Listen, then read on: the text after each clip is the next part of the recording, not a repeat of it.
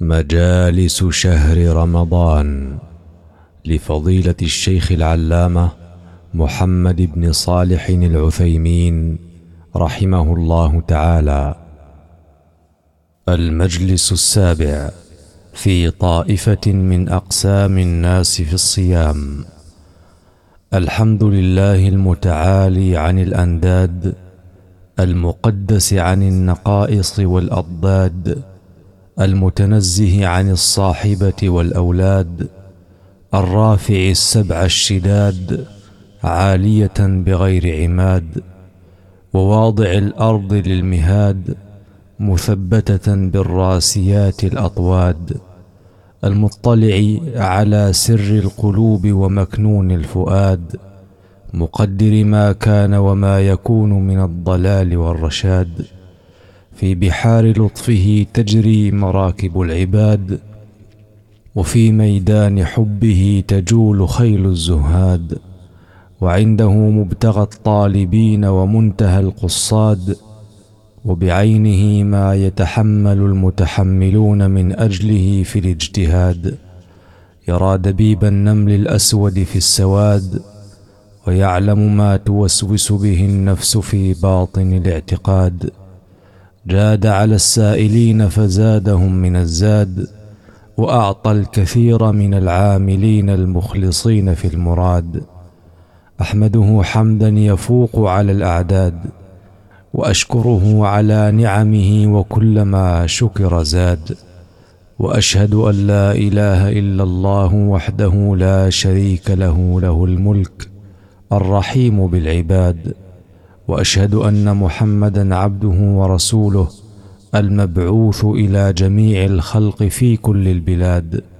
صلى الله عليه وعلى صاحبه أبي بكر الذي بذل من نفسه وماله وجاد وعلى عمر الذي بالغ في نصر الإسلام وأجاد وعلى عثمان الذي جهز جيش العسرة فيا فخره يوم يقوم الأشهاد. وعلى علي المعروف بالشجاعة والجلاد وعلى جميع الآل والأصحاب والتابعين لهم بإحسان إلى يوم التناد وسلم تسليما.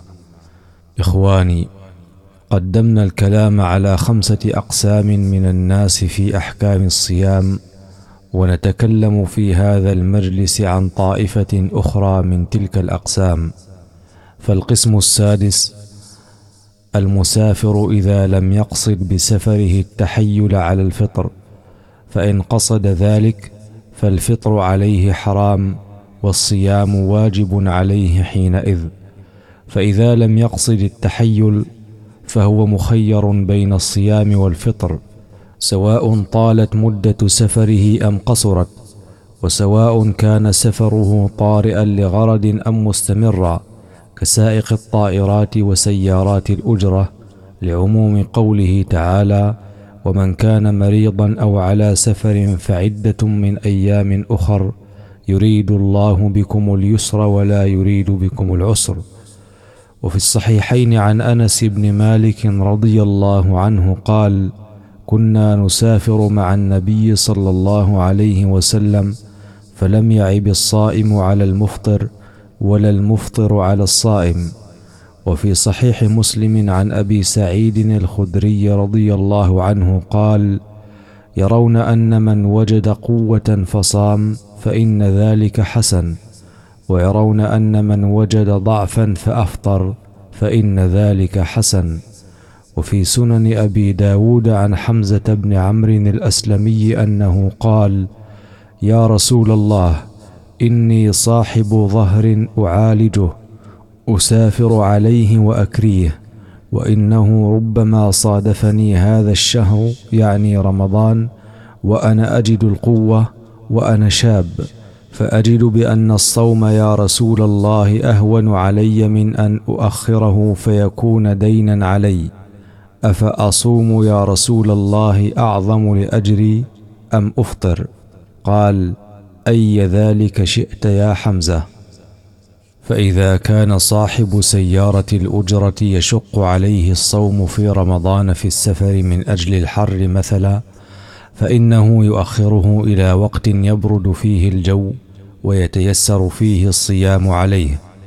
والأفضل للمسافر فعل الأسهل عليه من الصيام والفطر فإن تساويا فالصوم أفضل لأنه أسرع في إبراء ذمته وأنشط له إذا صام مع الناس لأنه فعل النبي صلى الله عليه وسلم كما في صحيح مسلم عن أبي الدرداء رضي الله عنه قال خرجنا مع النبي صلى الله عليه وسلم في رمضان في حر شديد حتى إن كان أحدنا ليضع يده على رأسه من شدة الحر وما فينا صائم إلا رسول الله صلى الله عليه وسلم وعبد الله بن رواحة وأفطر صلى الله عليه وسلم مراعاة لأصحابه حين بلغه أنهم شق عليهم الصيام.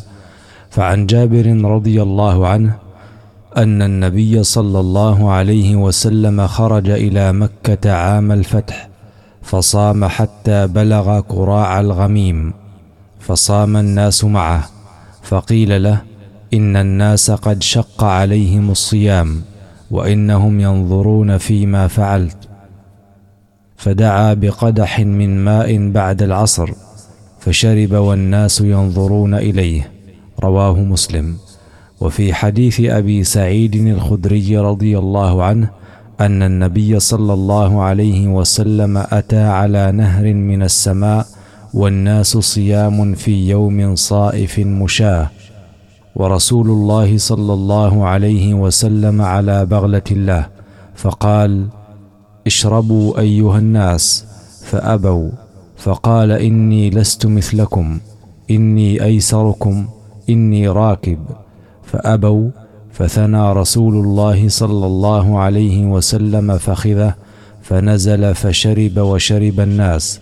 وما كان يريد أن يشرب صلى الله عليه وسلم. رواه أحمد. وإذا كان المسافر يشق عليه الصوم فإنه يفطر ولا يصوم في السفر.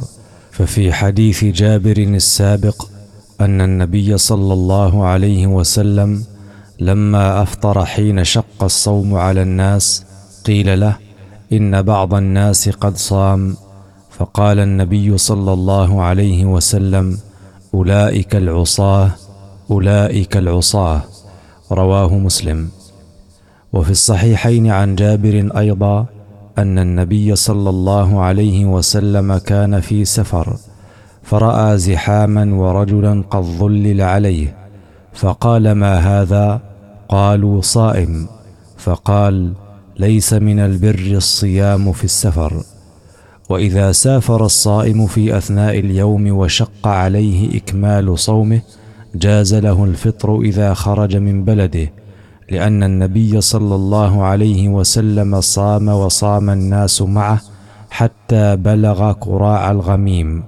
فلما بلغه أن الناس قد شق عليهم الصيام أفطر وأفطر الناس معه. وكراع الغميم جبل أسود في طرف الحرة يمتد إلى الوادي المسمى بالغميم بين عسفان ومر الظهران.